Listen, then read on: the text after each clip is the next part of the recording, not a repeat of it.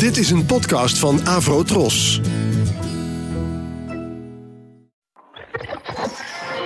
Ladies and gentlemen, The Fab Four. Fab Four. John, Paul, Four. George, Ringo. Four. Not four. Fab Four. We have for you the Fab Four. Fab Forecast.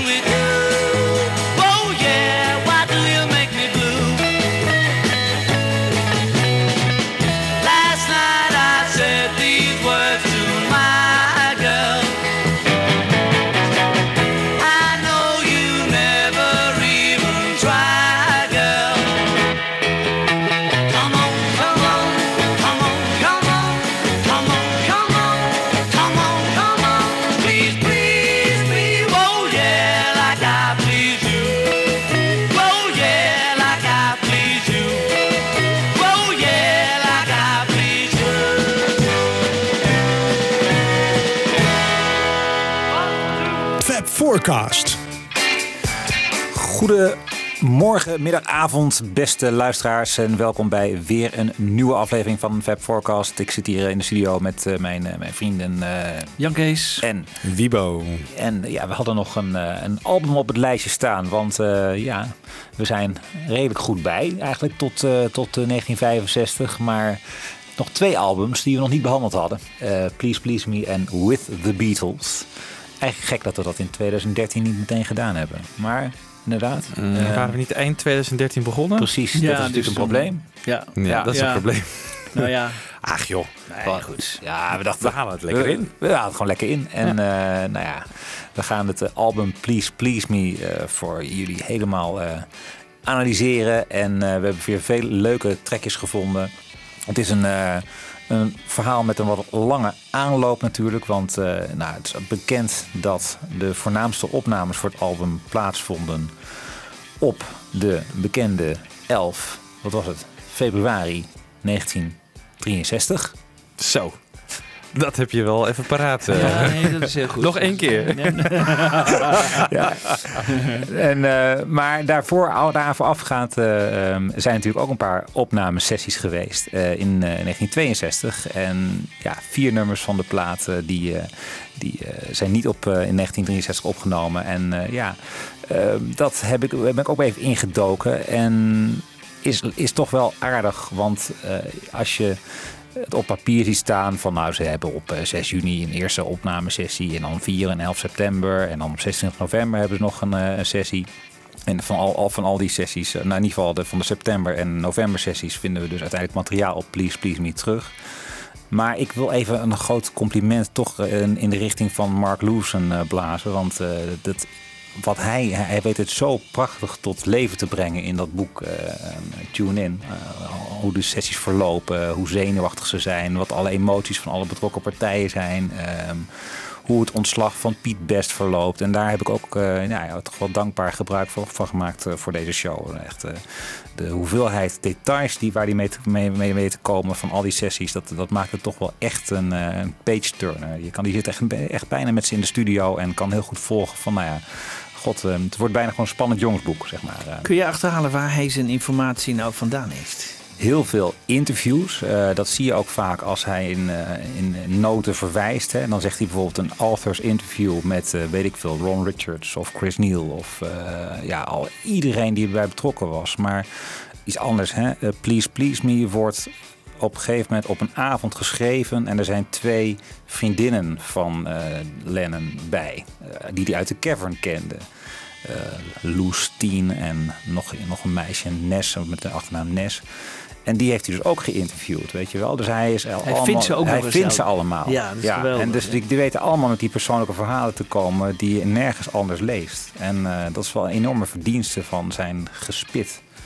Ja. En, en, dan- en dan ook nog eens een keer interviews natuurlijk. Hè, door de jaren heen. ehm, nou ja, laten we zeggen een interview in 73, in 82, in 87. En ja, hij weet allerlei dingen bij elkaar te verbinden. Net een nieuw elementje wat je in 87 hoort. Maar misschien dat hij het eerder verteld heeft. Dan weet hij juist dat op die plek te zetten. Dus het is echt een, eh, nou, gewoon een enorm werk. Maar eh, heel fijn dat het gebeurt. Ja. Want en dat is natuurlijk ook heel belangrijk bij die eerste.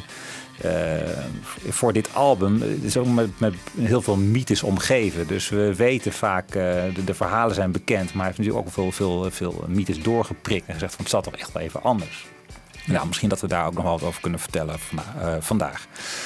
Want laten we even beginnen met, eh, met de eerste opnamedatum voor de Beatles. Hè. 6 juni 1962. En eh Pete Best is er dan nog gewoon bij.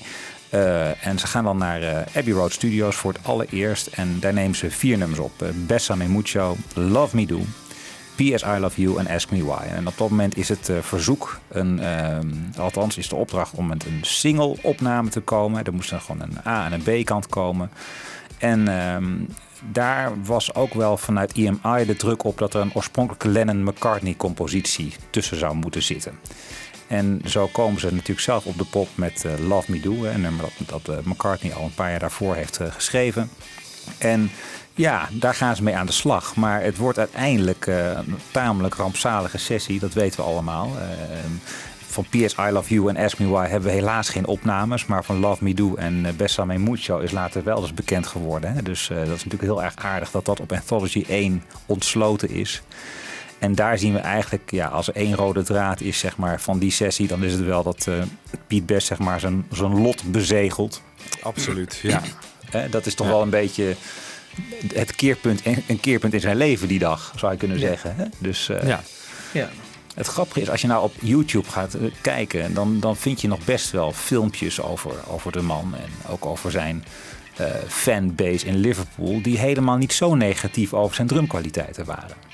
Nee, hij zit volgens mij eh, als live drummer eh, was hij een stuk beter dan Ja. in de studio. In de studio kon hij gewoon niet, Nee. niet brengen wat, wat Nee. er nodig was. En viel het natuurlijk ook veel eerder op dat hij niet zo'n technisch begaafde drummer was. Hè? Ja, want hij schijnt ook in die opnames in eh, Duitsland met My Bunny, met Tony Sheridan. Dat het ook zo slecht ging dat op een gegeven moment die producer, die Bert Kempfert, gewoon zijn bassdrum weg heeft gehaald. Ja. Want ja, dat, dat kon gewoon niet. Dus op die plaat hoor je ook geen bassdrum.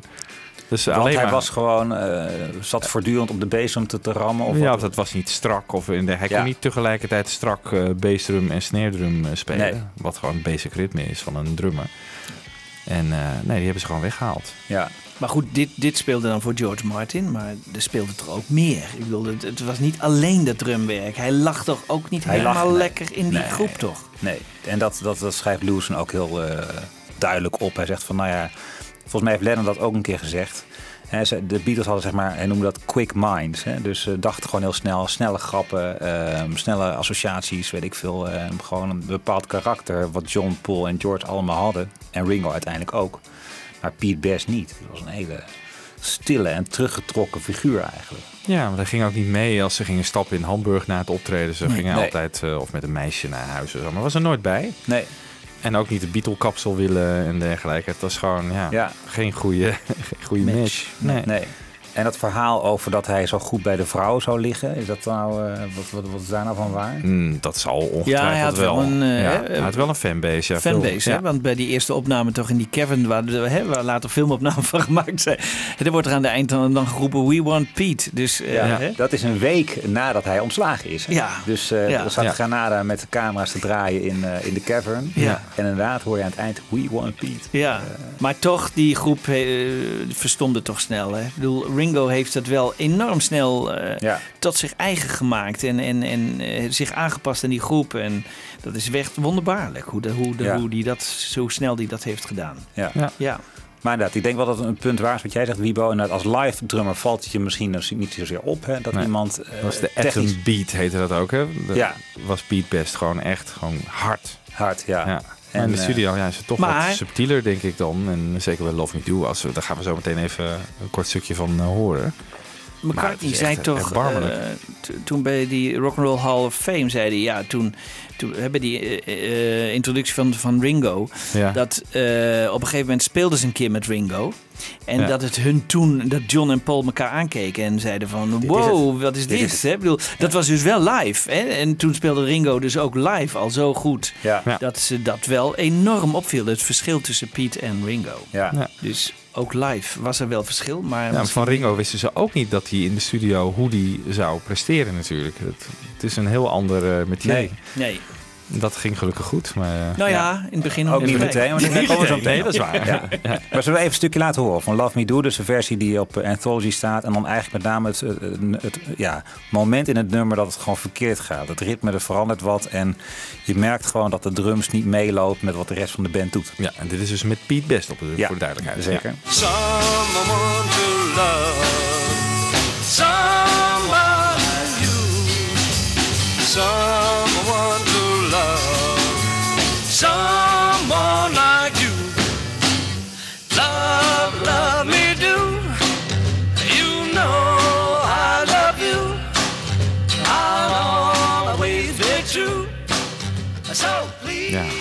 lijkt wel alsof hij niet weet uh, Ja. wat hij moet doen. Nee. Ja.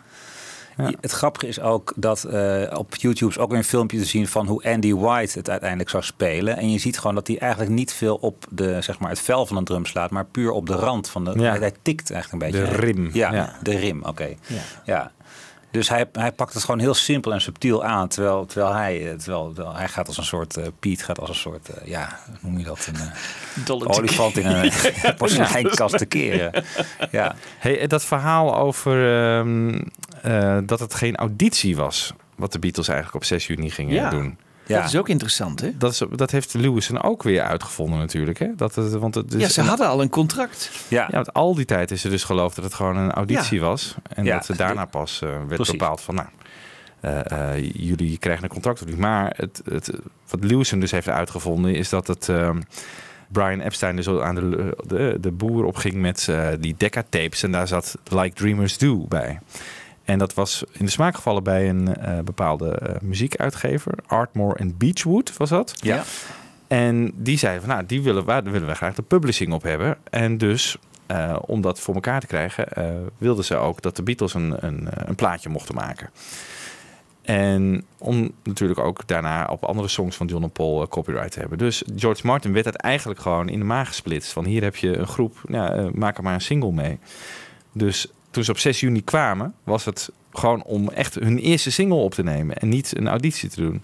Ja. Heel bijzonder uh, dat Lewison dat heeft ontdekt. En ja. dat wist George Martin ook nee, niet meer. die wist dat ook niet meer. Nee. Nee. Nee. Maar dat vind ik wel heel knap, hè? dat hij dat soort dingen boven water Ja, haalt. Dat is ja echt terwijl iedereen dat roept Ja, en zo. ja. En ik- ja, ja, maar goed. eh, en, en volgens mij staat me bij dat, George, dat Mark Lewison dat aan George Martin laat zien. En dat George, Mark, George Martin altijd... Waarom zou ik ze in vredesnaam al getekend hebben? Ja, Ja, ja, ja. Maar ja. dat is dus verklaarbaar. Maar dat was dus kennelijk druk vanuit EMI om met Lennon-McCartney materiaal eh, ja. ja. aan de slag te gaan. Dus en er zat ook nog iets bij met dat George Martin met zijn secretaresse er vandoor was gegaan. Dat niet goed viel bij eh EMI. En daardoor dat ze dachten van nou, we moeten die George Martin eens even flink aanpakken. Ah ja. Oh ja. En dan uh, splitsen we hem uh, dit groepje in de maag. Ja, ja. Oh, ja. De precieze details weet ik niet. Het staat in het boek van Mark Lewison, maar daar heeft het ook nog iets mee te maken. Ja. Dus uh, nou ja. Ja. Ja. Maar goed, maar het is eigenlijk... eh, het fragmentje wat we net lieten horen heeft er nog wel voor gezorgd... dat uiteindelijk ook Piet Best financieel het er niet heel slecht van af heeft gebracht. Oh, We ja. hebben wel een paar decennia op he- moeten wachten. Maar eh, dat, dat we dus Besame Mucho en Love Me Do op Anthology hebben... en dat het volgens mij misschien wel de best verkopende van de drie CD-reeks Ja. is geweest... Ja. Ja. dat heeft hem geen En ook nog iets van de Decca, geloof ik. Hè? Staat Decca, ook op in ja. de, de- My Bonnie. My Bonnie. Ja. Ja. dat staat Ja. dus daar heeft hij... Er zijn dus een paar nummertjes dat je daar gewoon op meespeelt. Dat je daar Ja. dan zoveel geld aan kunt overhouden. Moet je nagaan hoeveel eraan verdiend Ja. is. Maar het was Maar voor, heeft, al- voor eh, alle betrokken partijen was het onmiddellijk evident. Dus Ron Richards was kennelijk de, was de technicus hè, op de sessie. Die, eh, die was ook eigenlijk een beetje een soort. een beetje, nam, voor, ja, nam een beetje het voortouw. Zeg maar wat anders George Martin zou hebben gedaan. George Martin kon pas wat later kijken als ze Love Me Do gaan spelen. En voor Ron Richards is ook onmiddellijk duidelijk van ja, met, met deze drummer moeten we niet doorgaan. Hij geeft hem ook aanwijzingen, zegt van probeer het een beetje zo te spelen. Kan Piet niet. Dat, doet, dat, dat kan hij niet. Ik bedoel, hij heeft gewoon de, de technische gave niet voor kennelijk is het ook zo dat op een gegeven moment Pete Best even de studio uit is of even buiten het blikveld is van de andere drie Beatles. En dat ze dan al te horen krijgen van nou ja, als jullie door willen gaan, prima. Hè? Maar niet met deze drummer. Dus eh, dat is al op 11 juni, of op 6 juni is het al duidelijk voor alle Ja. betrokken partijen. Ja. Ja, ja. En dan En- duurt het toch nog twee maanden voordat Ja. hij eruit eh, gezet wordt. Ja, Ja. Ja. want Brian Epstein had een contract ook met de Beatles gesloten. En ja, Pete Best zat daar ook in. Dus hij pleegt dan ook contractbreuk door te zeggen ja. van ja, ik ga Pete Best aan de kant zetten. Ja. Dus allemaal niet zo makkelijk. Ook juridisch gezien was het lastig voor Brian Epstein van hoe gaat hij daar nou mee om. En uiteindelijk eh, weet hij het dan zo te brengen dat hij... Nou, kijk, de Beatles zelf gaan het niet vertellen tegen Pete Best dat het eh, einde verhaal is. Dat moet Brian Epstein dan doen. En die heeft dan al bedacht van ik heb een nieuwe band voor jou. Jij bent de voorman van die band. En eh, wel het vriendelijke verzoek of hij nog drie optredens met de Beatles wil meespelen. Totdat Ringo Starr dan op de, achter de kit gaat eh, plaatsnemen. Dat zegt hij dan in het begin ook nog ja tegen. Uiteindelijk doet hij dat natuurlijk niet. Maar, ehm, want ik geloof dat hij op dinsdag of woensdag te horen krijgt van het, eh, we gaan niet lang met je door. Maar Ringo Starr staat niet meteen, is niet meteen beschikbaar. om, Nee. Eh, Wie, wie doet die optredens dan wel? ja, Johnny Hodge. Johnny Oh ja. Hodge. Ja. Oh, die had een hekel aan de Beatles. Ja, Die was ja van- klopt. ja. ja. Dat is die wat potige man die je wel Ja. op andere foto's ook ziet. Hè? Ja, die zit er volgens mij ook bij de ehm, Larry Parnes audition. eh, zit hij ook achter de drums. Oh ja. ja. Maar eh, waarom vond Piet Best het eigenlijk zo erg? Want hij bleek toch al dat hij niet zo goed in die groep lag. De groep was nog totaal onbekend. Het was nog maar de vraag of ze ooit zouden doorbreken en of ze dat zou lukken. Nou, ze Nou. hadden toch allemaal wel het gevoel dat er echt iets gaande was. Dat er iets zou komen of zo. Ja, echt, ja, er was Ja. een platencontract of een auditie. Er bege- gingen echt dingen gebeuren. Manager die eh, voor hun eh, door het vuur ging. Ja, maar goed, bij Decca was het ook niet gelukt. Nu hadden ze Nee. dan misschien wel dat contract. Hè? Dat, dat, hè? dit- Er was geen auditie, maar Er dit was al een contract. Er was ja. eh, wel een idee van we gaan, eh, er gaan grote dingen gebeuren. En ze waren Ja. binnen Liverpool waren ze wel echt wel groot. Eh, ze gingen de eerste single opnemen. Ja, Ja. dan weet je niet. Kijk, Ja. het is eigenlijk natuurlijk pas achteraf, als je ziet hoe groot de Beatles zijn geworden, dat je moet constateren van god, het is wel heel erg pijnlijk voor hem geweest. Ja. Daar staan ze op dat moment natuurlijk niet bij stil. Nee, dat kan helemaal niet. nee. Maar eh, wel het idee van we, gaan, we zijn lekker bezig. ja. En, en, en eh, Brian Dus hij Epstein- voelde zich wel lekker in die groep. Ja, Brian Epstein weet het ook nog zo te framen. Hè, dat hij in de Mercy Beat dat, dat plaatje laat, laat eh, opnemen. Dat, het, dat ze vriendelijk uit elkaar zijn gegaan. Dat Oh het ja. allemaal eh, In goed overleg. goed overleg is gegaan. maar eh, we laten Piet Best nu even horen. Even, die gaat nu even vertellen hoe het echt is gegaan. And at the end of the night, I got a message from Brian, which basically turned around and said, Pete, I'd like to see you in the office in the morning. I walked into Brian's office, and I could tell that Brian was wasn't a normal, cool, calm, placid Brian. To be quite honest, he was quite agitated. He was fidgety. Talked round the subject for a while, and then he just basically turned around and said, "Pete," he said, "I really don't know how to turn around and tell you this." He said, "But I will." And he said, "In short, uh, the boys want you out." and it's already been arranged that Ringo will join the band on Saturday. And that was the bombshell. And Pete was coming out the office. And we said, Hi, Pete, how are you doing? And he ignored us and walked straight past us. And we thought, that's a bit strange for Pete. I wonder what that is. And then within minutes, Brian came out, virtually in tears. Said, I'm sorry, lads, I'll have to see you again another day. I couldn't believe what was happening. You know, am I in a, a dream? Am I in a nightmare? Am I going to wake up? Someone pinch me. And I went home, and uh, you know Neil was first in, and he saw Mona, and he said, "Pete's got a bit of bad news. You know, he, he's not feeling too clever." So Mo came out, and all the motherly instincts came out with it as well. And it was, you know, what's wrong, Pete? And I basically turned around and said, to kick me out the Beatles, and broke down crying. Ja, I broke down crying. Ja, het is eh, een pijnlijk verhaal. Ik sta Ja. even te zoeken wie ook weer die man is die je op een gegeven moment halverwege hoort. Eh, Ja. Want eh, het wordt dus op het kantoor van eh, Brian Epstein eh, bezegeld. Wordt zijn lot bezegeld, wordt het hem verteld. En dan is, staat op de eh, gang staat een drummer van een andere band. En dat is Tony Crane van de Mercy Beats. Oh. En daar heeft hij een afspraak mee. En eh, die ziet hem dus met, met een ja, als grauw gelaat eh, het Ja. kantoor verlaten. Dus je denkt van wat is hier aan de hand? En, eh, want het was toch wel, ja, de Beatles waren natuurlijk ook heel groot in Liverpool. Dus Ja, het ja, was echt nog wel een, eh, een dingetje. Ja. En ik geloof dat dan buiten staat dan Neil Espinel, hè? Die wacht hem dan op. En die komt dan ook in problemen, hè? Want ja, dat is die. eh, Dat is een maatje. Hè? dat is een maatje. Ja. En eh, die heeft een kind eh, met zijn moeder. Is, dat, is dat dan al? Eh, is dat Ja, kind- volgens mij is dat kind. Ja, of dat, mij. zij is in ieder geval zwanger. Ja. Of eh, Ja, het kind is volgens mij van 62. Ja. Dat was trouwens ook nog wel een dingetje voor, voor de Beatles en voor Brian. Van ja, Pete willen ze niet, maar Neil willen ze Ja. wel houden. Ja. Dus, eh, Ja. ze, het wordt een heel diplomatiek spel wat ze moeten gaan spelen. En eh, kijken van nou ja, hoe ze loyaal, wie, wie loyaal aan wie is. Ja. Maar ehm, ja, ze gaan het op een drinken zetten. En eh, ja, dat is dan het einde. Ehm, Het aardige is van die sessie van, eh, van 6 juni, dus dat het nou, levert dit inzicht op, wat natuurlijk een, een heel belangrijk inzicht is van, nou ja, gaan met, dit, met deze drummer gaan we het niet verder brengen. Maar ook voor de verhouding tussen de Beatles en George Martin is het een heel belangrijke sessie. Hè? Want eh, ehm, op een gegeven moment, aan het eind van de sessie, mogen ze even boven in de, in de, in de controlekamer komen. En gaan ze even terugluisteren. En de Beatles zijn heel content en tevreden. Maar George Martin zegt dan wel van nou, dit en dit kan beter. En hij gaat ze natuurlijk ook meer uitleggen van hoe het in de studio allemaal werkt. Hoe je moet opnemen. Hoe de microfoons werken. Dat die microfoons aan, aan allerlei kanten kan staan om, eh, om geluid op te nemen. Eh, en daar zit ook het bekende verhaal over de das hè, van, eh, van Ja. George Martin, van George Harrison. Die, de opmerking die hij dan maakt van, Ja. eh, is er iets wat jullie niet bevalt? En dan zegt George Harrison dus van, nou, ik, jouw das bevalt me niet. En dat vind ik ook weer zo fantastisch van Mark Lewison. Dan heeft hij dus achterhaald hoe die das eruit zag. Geweldig. Ja, ja.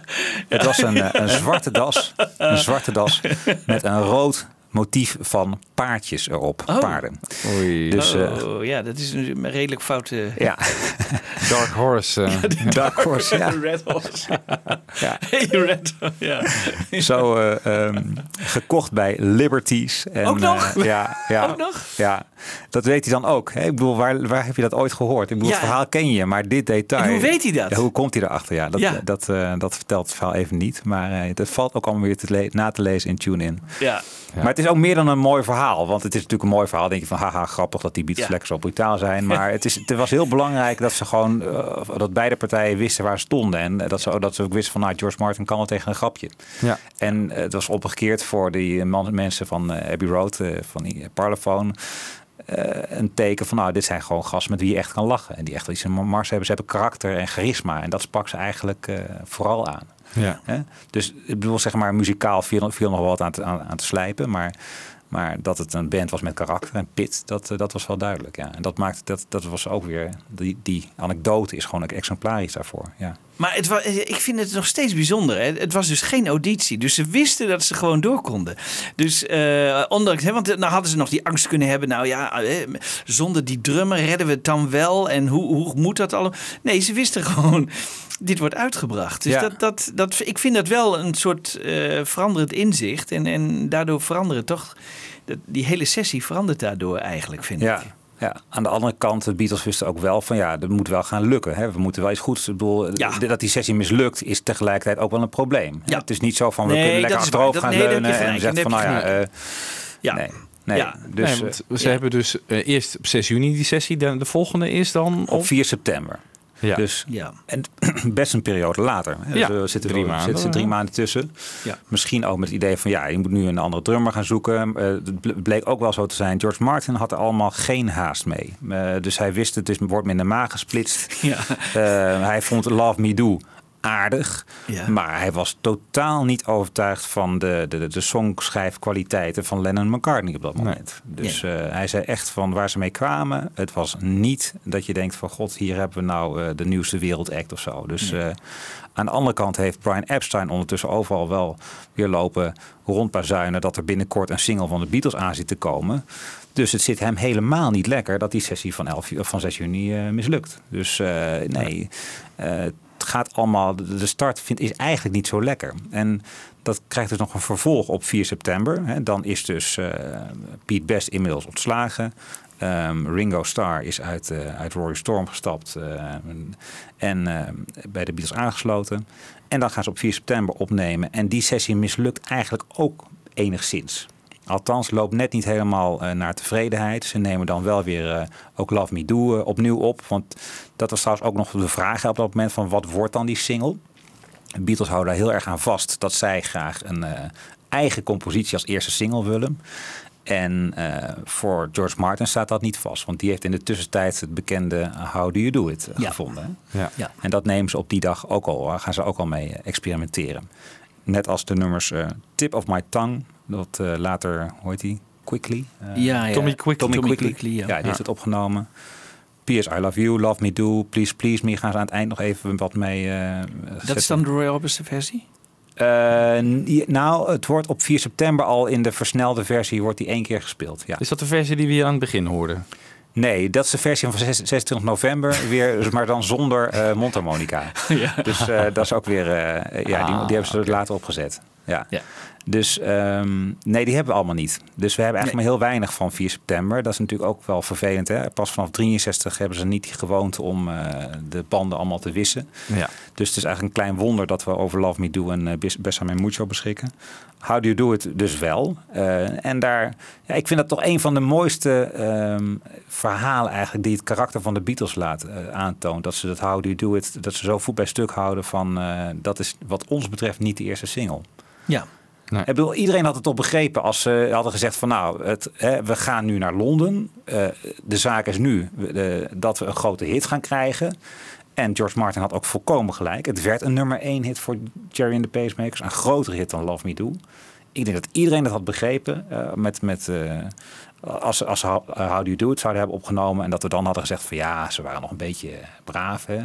Ja. Maar ik vind het zo sterk dat ze dus ja. vasthouden aan dat Love Me Do. En dat ze zelf zien van, het is misschien minder, maar het is wel uniek. En het is wel wat ons bepaalt. Dat is de sound die ons bepaalt. En het is wel met name die mondharmonica, wat echt uniek is. Dat zit op dat moment niet in de Britse hitparade. Dat hoorde, dat hoorde je, had je nog nooit gehoord. Ja, het schijnt één artiest te zijn, dat, dat heeft Mark Lewison ook weer uitgezocht, die dat wel een keer heeft gespeeld. Maar ze wilden echt een eigen sound niet. Ja, en waarom is hun dat dan gelukt? Want in die tijd was toch de producer, was de baas. Ja. Die bepaalde het toch eigenlijk? Ja, klopt. Ja. Maar zij hadden toch zoveel argumenten waarschijnlijk, of overredingskracht, dat Ja. het hun gelukt is om dat niet. Ja, dus How Do You Do It hebben ze natuurlijk wel opgenomen, maar ook niet heel enthousiast hoor ik altijd. eh, hè, Nee. maar Misschien niet enthousiast, maar ze maken er wel echt iets ze van. maken er wel iets van. Ja. Ja. Ja. Het is Ja. best een oké versie, zeker. Ja.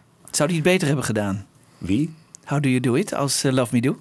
Ja, ik denk het dus wel. Ik Ik, denk bedoel, het ik bedoel, precies hetzelfde arrangement. Dat, dat, dan nemen Gary en de Pacemakers, die nemen dat eens op en dat wordt een, Ja. een nummer één hit. Het is wel meer de hit sound, eh, denk Ja. ik, de How Do You Do It, eh, dan Love Me Do. Ja.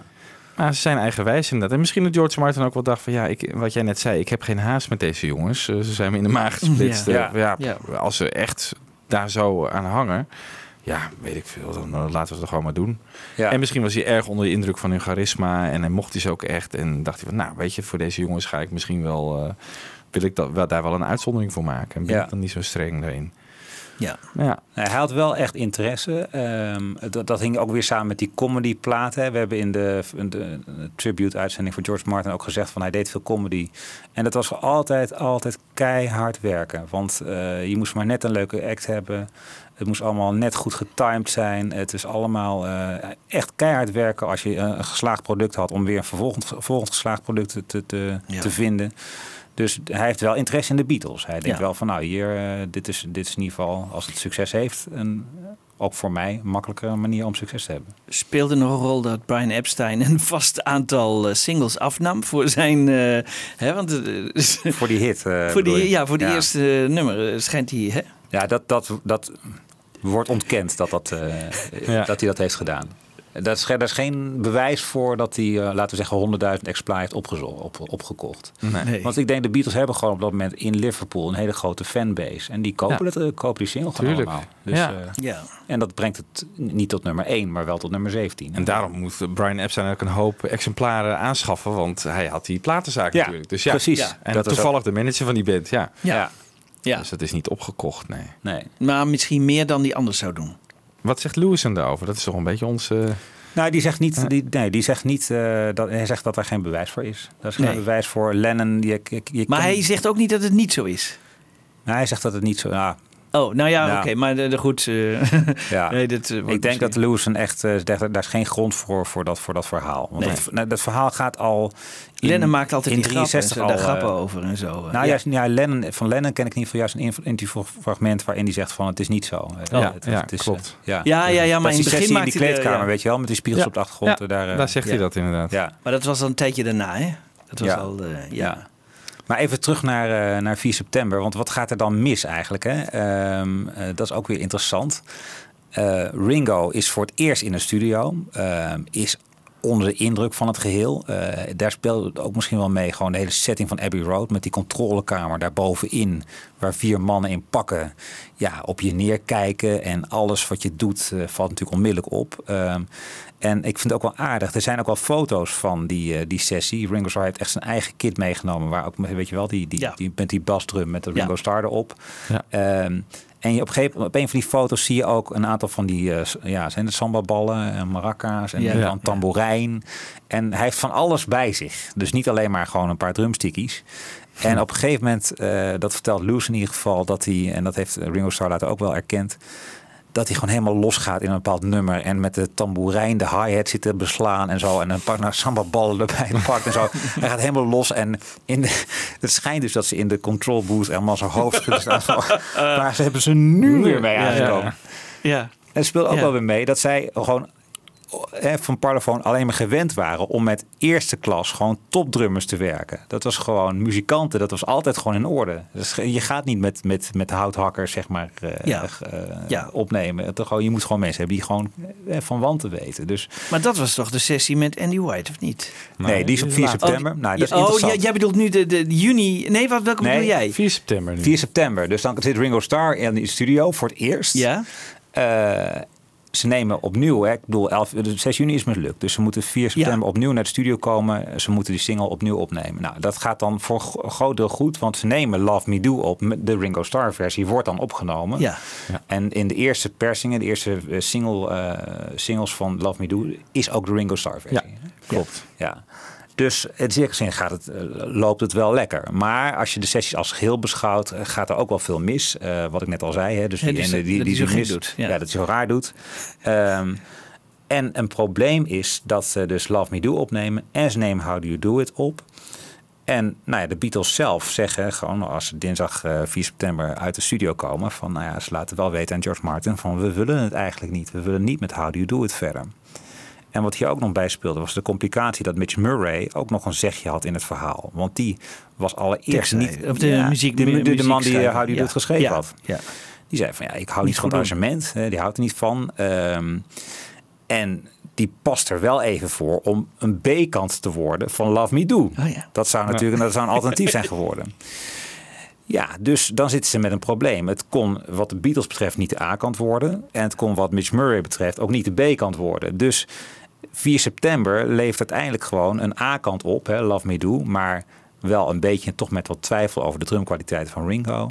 Eh, maar nog steeds geen B-kant. En- daarom moet ze op 11 september terug naar de studio komen. Op dat moment is het geduld van George, Martin echt wel volledig op. Die is dat dan de derde sessie die ze hebben voor één singeltje met twee kanten. Ja. En dan eh, gaan ze naar, eh, op 11 september dus naar de studio. En wie treffen ze daar? Andy White. Ja. Ja, en dus dat is dan, en op dat moment wordt Love Me Do eh, opgenomen met Andy White achter Ja. de kit. Maar was het nou terecht, Michiel? Was Love Me Do met Ringo zo slecht? Ik vind van niet. Ik vind Nee. dat die, je hoort eigenlijk eh, qua. Je, ziet, je hoort, en dat heeft eh, Ringo later ook wel gezegd. Andy White doet niets wat ik niet ook had gekund. Het is qua techniek, doet hij niet, eh, pakt hij het nummer niet heel anders aan. Ik vind het nummer klinkt op een of andere manier iets, iets frisser of zo, de Andy White versie. Ja, vind ik ook. Die, die Ringo-versie iets minder Ja, lekker gespeeld of zo. Ja. Maar dat ligt niet aan de drum. nee. Nee, nee, nee. Dus het is best apart eigenlijk dat, eh, dat George Martin daar zo voet bij stuk heeft gehouden. Ja. Maar goed, het was voor hem ook inderdaad toch wel een punt van ja, ik, ik ga het me niet permitteren, ik kan me niet permitteren om nog een keer eh, een mislukte sessie te hebben. En ja, gewoon voor de zekerheid dacht hij van. Nou, mislukt. Ja, mislukt Ja. in beperkte zin, hè? Ja, in beperkte zin, maar die single moest er wel komen. Ja. ja. Dus PS I Love You wordt dan opgenomen op 11 september, ook dus met eh, Andy. Andy en, Ja. en, en, en Ringo op maracas. Ja.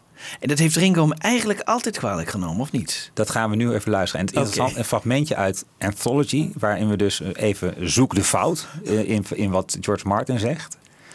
En ehm, ook de emoties die bij Ringo speelden. What actually happened was that when Ringo came to the session for the first time, nobody told me that he was coming. I'd already booked Andy White, and I told Brian Epstein I was going to do this. I said, I just want the three others, and that's fine. Ringo turns up expecting to play. I said, Well, you know, I've been bitten once. I'm not going to have that. I don't know, even know you are. We're going to have Andy White, thank you very much. No, I was devastated. I came down ready to roll, and uh, we've got Andy White, the professional drummer. Oh dear, that's awful. Uh, but he's apologized several times since as old George Martin. But it was, it was devastating. And then we did that, which, which Andy plays on, and then we did the album, which I play on. You know, so Andy wasn't doing anything so great. He wasn't doing anything so great I couldn't copy when we did the album. Oh, Ringo to this day bears those scars. He says, You know, you didn't let me play, did you? Ja. Twee fouten zitten erin, hè jongens?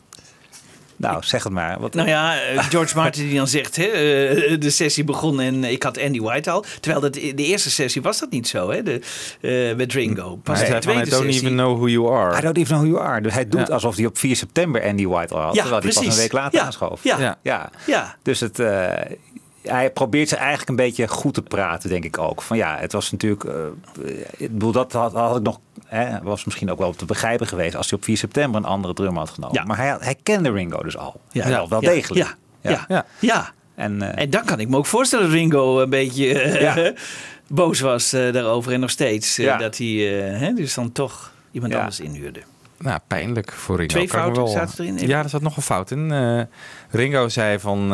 eh, eh, then we did the album which I play on. Maar dat is niet zo. Dat Nee, is, nee. Ringo speelt op de single versie. Ja. En Andy Oh, White ja. op de albumversie. ja. Oh, ik, ja, ja, ja. Oh, ik dacht dat hij bedoelde de albumopname, hè? de hele albumopname. Nee, hij bedoelde de Love Me Do. De Love Me Do versie. Ja, nee, dat klopt het niet. Nee, ja. dat is een- Ja. Ja. Maar goed, ja. Dat is gefreak. Maar goed. Ja. Ja. Maar goed, het is toch mooi om te zien hoe die sessies verlopen. En ehm, dus 4 en eh, de 11 september hebben we dan gehad. Eh, Love Me Do wordt dan opgezet met Andy White op drums. P.S. I Love You ook, speelt hij dus ook op. Dat gaat allemaal gewoon eigenlijk vlekkeloos. Ja. En dan heb je op dat moment dus eigenlijk al twee nummers van Please Please Me die zijn opgenomen. En op 5 oktober wordt het dan uitgebracht. En dat gaat dus naar nummer 17. Ehm, even kort luisteren naar ehm, Ja. de Ringo en Andy eh, versie. Eerst, eerst even Ringo.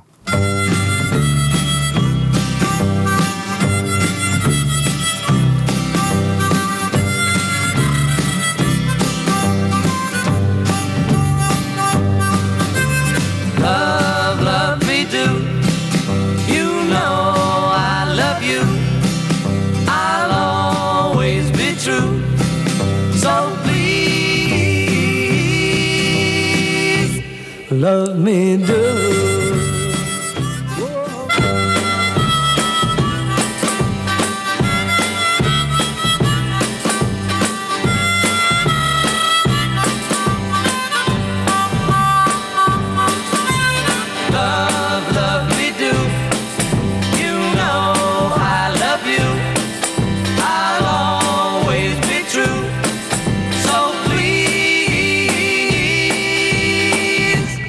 Me.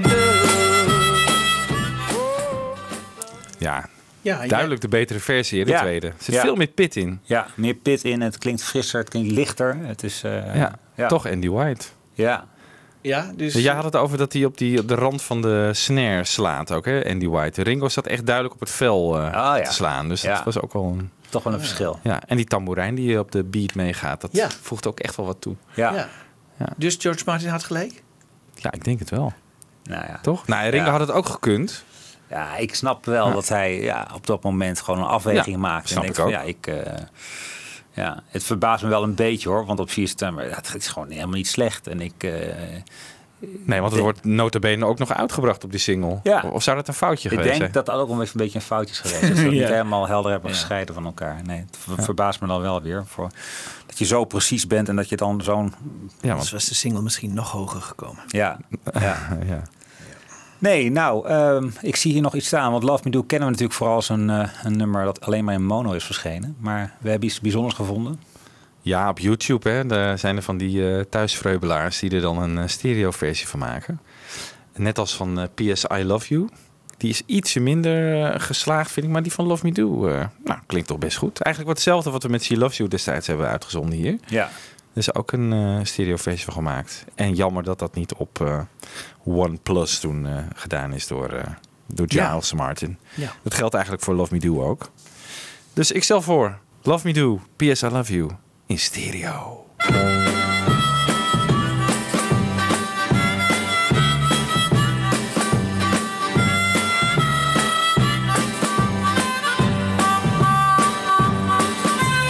Love,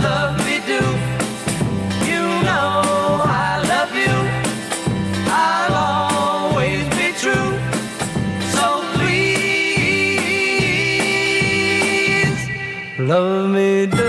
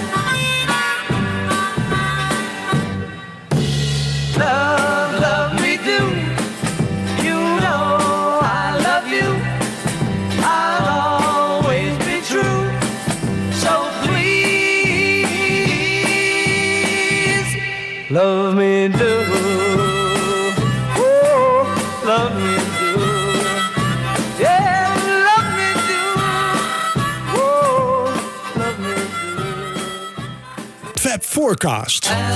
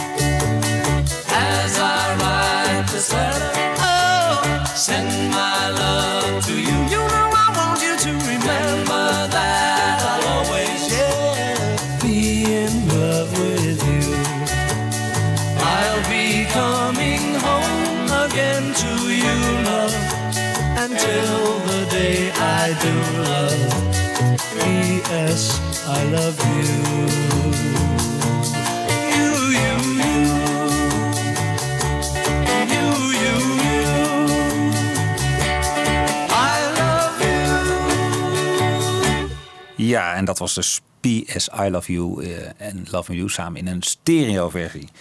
Dat PS I Love You, ik heb het zelf niet heel hoog staan. Ik vind dat nou typisch een, eh, een prima B-kantje, maar niet meer eigenlijk. Nee. En dan komt het toch op de plaat, hè? Ja. Ja. Ik hoop dat McCartney nu de rechten heeft. Hè? En heeft er nog later nog wel eens zo'n zo'n soort samengestelde versie van gemaakt.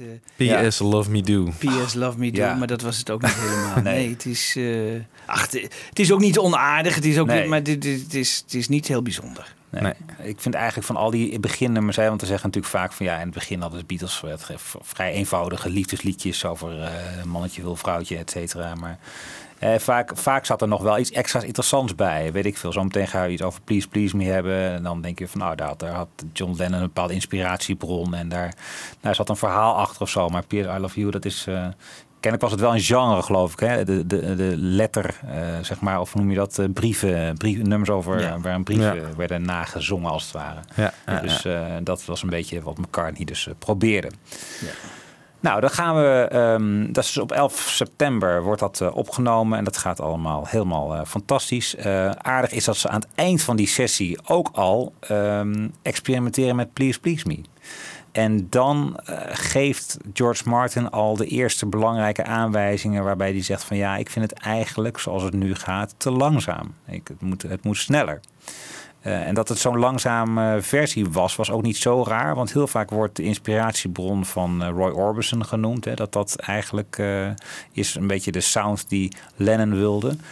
Maar het had ook een andere inspiratiebron. En dat is aardig om nu even te laten horen. Dat nummer Please van eh Bing Crosby.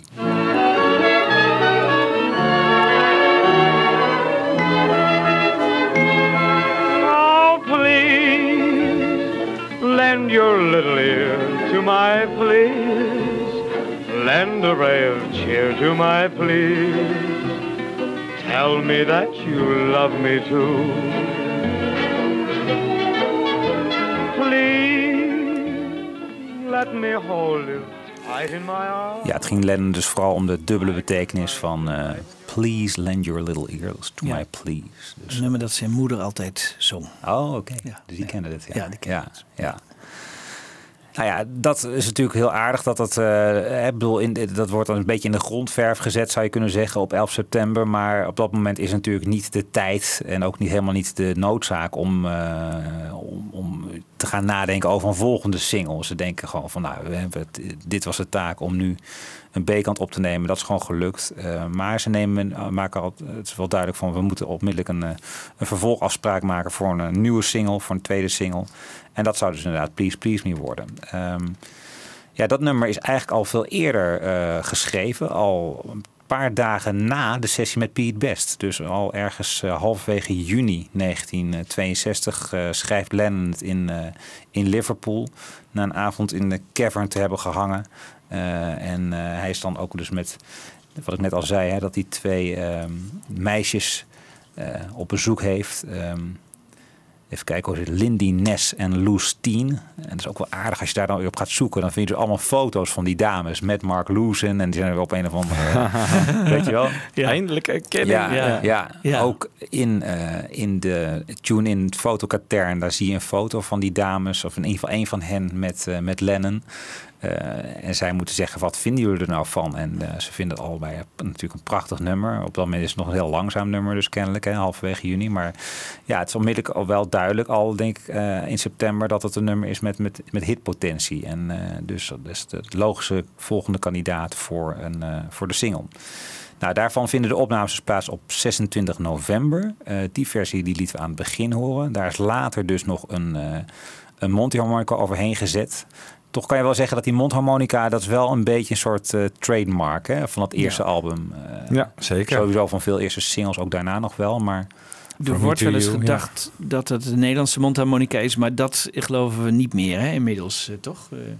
Ik weet het niet. Eh, ja, ik Mark mag het Lewis graag die heeft dat althans tegengesproken. Ja? Dat het eh, Nederland. Ik dacht zelfs bij ons in de uitzending, maar. We hebben hem er wel over gesproken, Ja. dat weet ik wel. Ja. Ja. ja.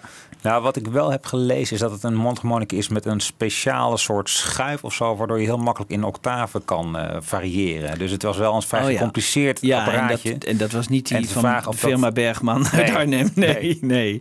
nee, nee, nee, nee. Dit was wel een bijzondere.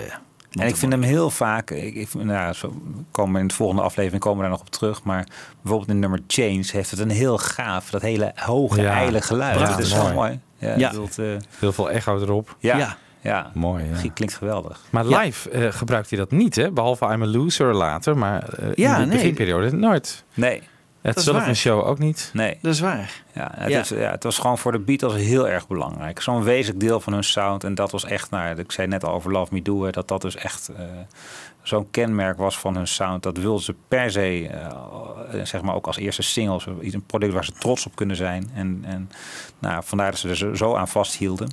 Ook wel aardig om even te vertellen dat eh, ehm, ze erg zaten met eh, dat moment dat Lennon dus die mondharmonica inzet en dan zou die de volgende hè, Love Me Do.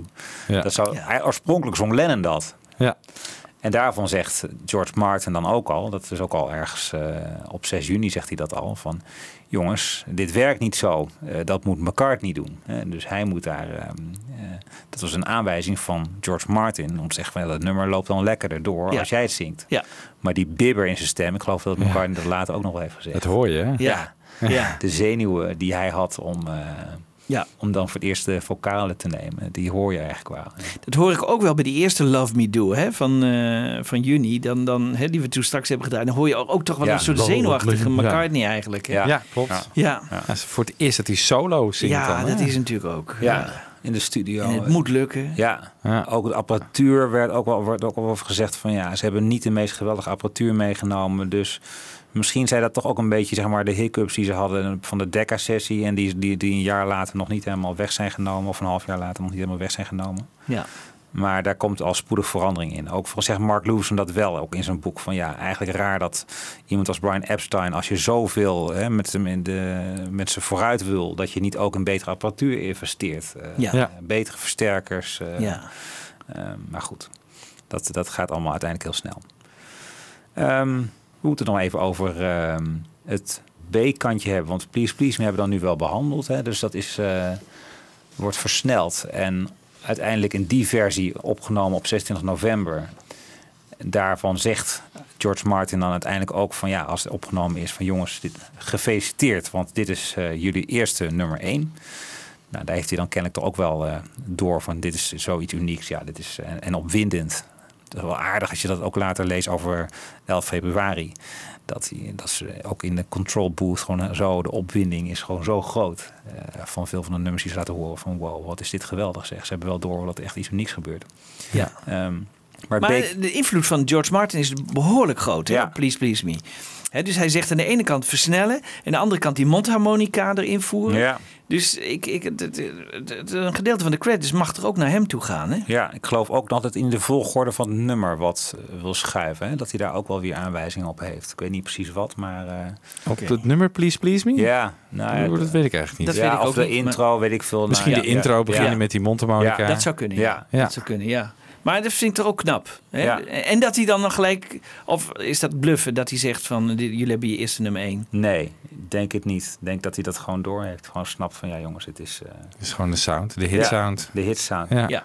Ik heb, het gaat, dat vind ik wel frappant als je ziet hoe snel het gaat. Op 6 juni, 6 juni is het allemaal nog wel Ja, erg eh, piepen en kraken, zeg Ja. maar. En het- ze pakken het zo snel op. Ik bedoel dat, ze dus, dat hij dus twee dagen na die toch wat dramatisch verlopen sessie al Please Please Me schrijft. ja. En een half jaar later, dan, dan, dan pakken ze dat gewoon zo razendsnel op. Eh, Ja, en, en Ja. De nummers worden interessanter, de, de, de performance klopt beter. eh, ze krijgen veel meer zelfvertrouwen in de studio. En het, eh, ja, A Star is Born. Ja. Maar niet voordat er, er moet eerst nog even een eh, B-kantje worden opgenomen. En dat zou Ask Me Why worden. En dat was ook al eh, veel eerder geschreven door Lennon. Ehm, ook een heel lekker nummertje. Ehm, aardig is ook weer de intro. Hè? Ehm, dat is een intro die de Beatles ook weer hadden geleend. Namelijk van eh, het nummer What's So Good About Goodbyes van Smokey Robinson en The Miracles.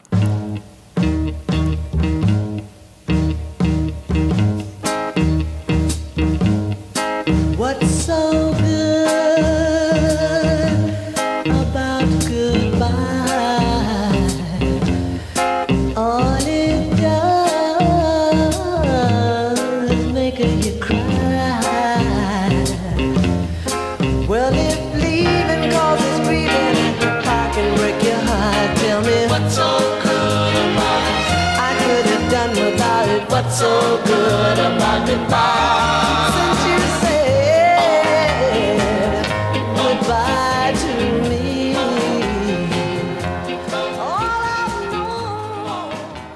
wel een beetje dat gitaar. Ja, leuk. Het likje. Want je, je herkent het echt, hè? Ja. Je Ja. herkent het echt. Ja. Kun je het even Ja. laten horen, heel kort het begin van, de, van Ask Me Why van de Beatles? I love you, cause you tell me things I want to know. And it's true that it really only goes to show Ja. Ja. ja, je hoort het wel. Ja. Het soundje en... eh, Nou, het aardige is, hebben het al eerder gespeeld. Dat is, meteen ook de eerste keer dat een Lennon-McCartney-compositie op de radio is. Dat, eh, dat moment is 11 juni 1962. Dus vijf dagen na de eerste opnamesessie op Abbey Road... staan ze in het programma Here We Go... Teenagers Turn van de BBC. Dus dat was dan zeg maar dat eh, eh, lichte sound, lichte pop... die ze af en toe ook, waar ze ook tijd in de programma's voor hadden. En daar spelen ze Ask, Me Why, dus met Pete Best dus nog op drums. En daar hebben we, ja, het is een heel morsige opname hoor, maar ik er even een klein stukje van laten horen.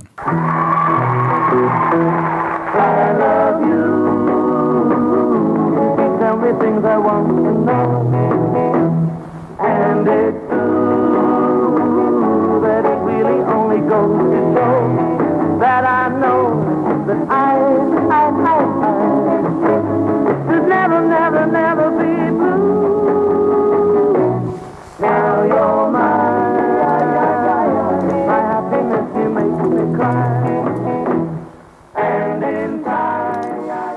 Goed drumwerk. ja, dat, Ja. dat op zich eh, volstaat eh, dat wel, toch? Ja. Dit nummer. Ja, ook dit, dit nummer weer, dit, dit moment, hè, en dat vind ik zo knap van Loosen. Die weet het allemaal zo eh, mooi te zeggen.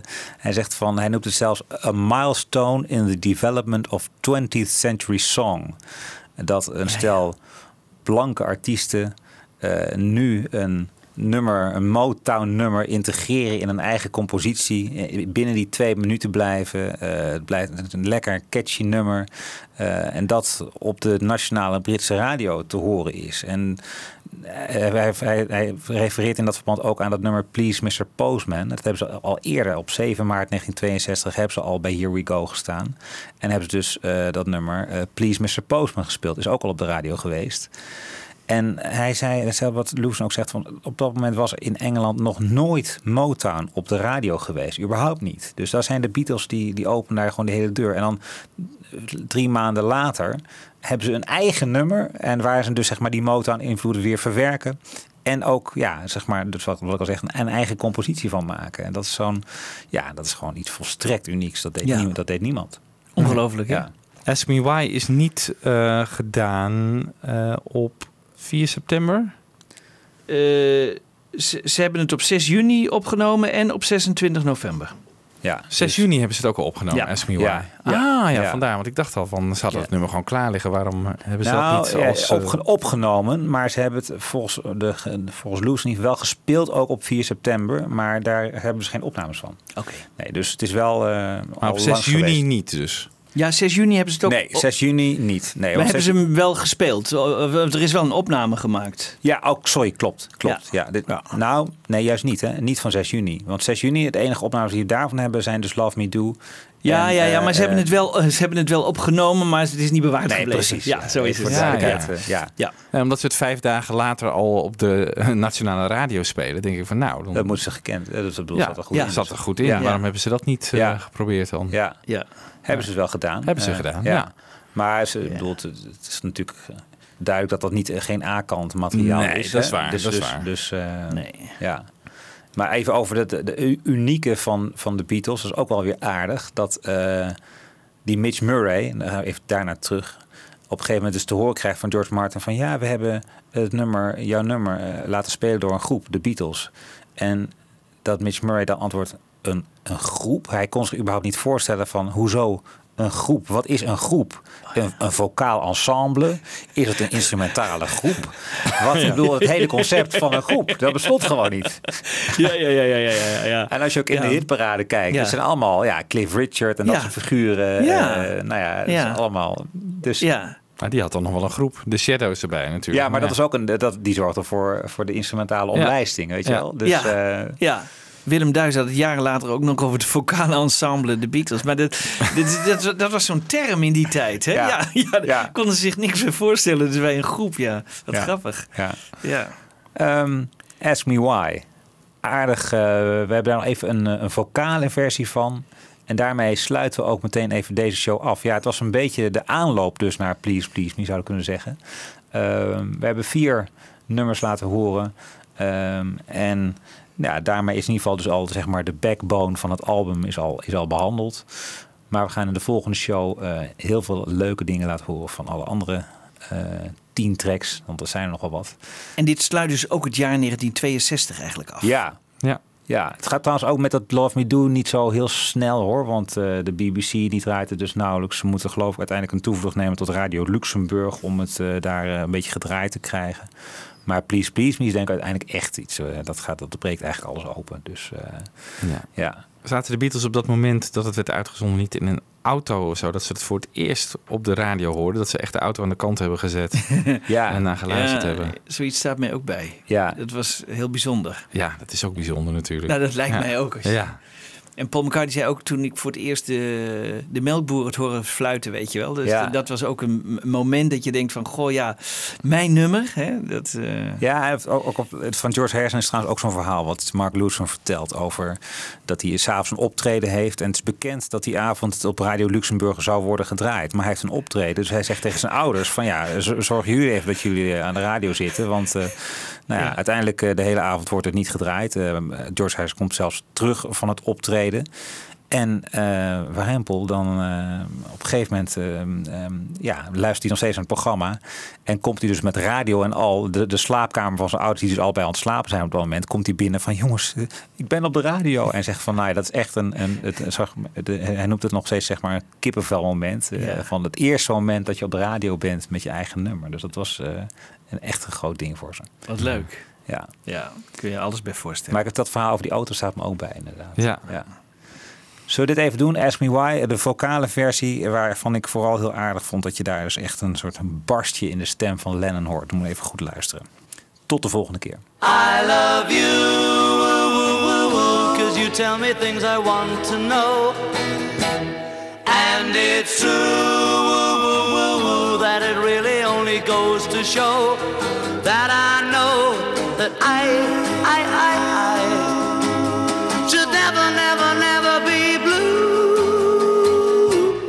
Now you're I, my happiness that makes me cry. And in time, you'll understand the reason why. If I cry, it's not because I'm sad, but you're the only love that I've ever had. I can't believe it's happened to me. I can't conceive of any more misery.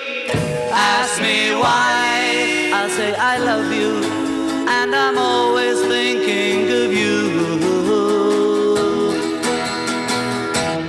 I love you, cause you tell me things I want to know, and it's true.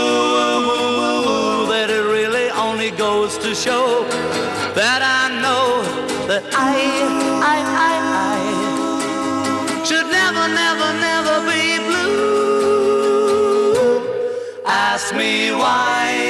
I say I love you, and I'm always thinking of you. I can't believe it's happened to me. I can't conceive of any more misery. Ask me why. I'll say I love you, and I'm always thinking of you. You,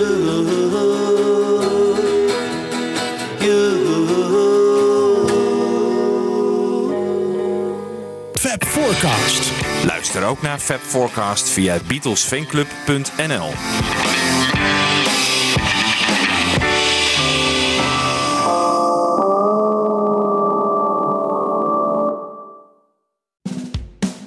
Dit was een podcast van Avro Tros.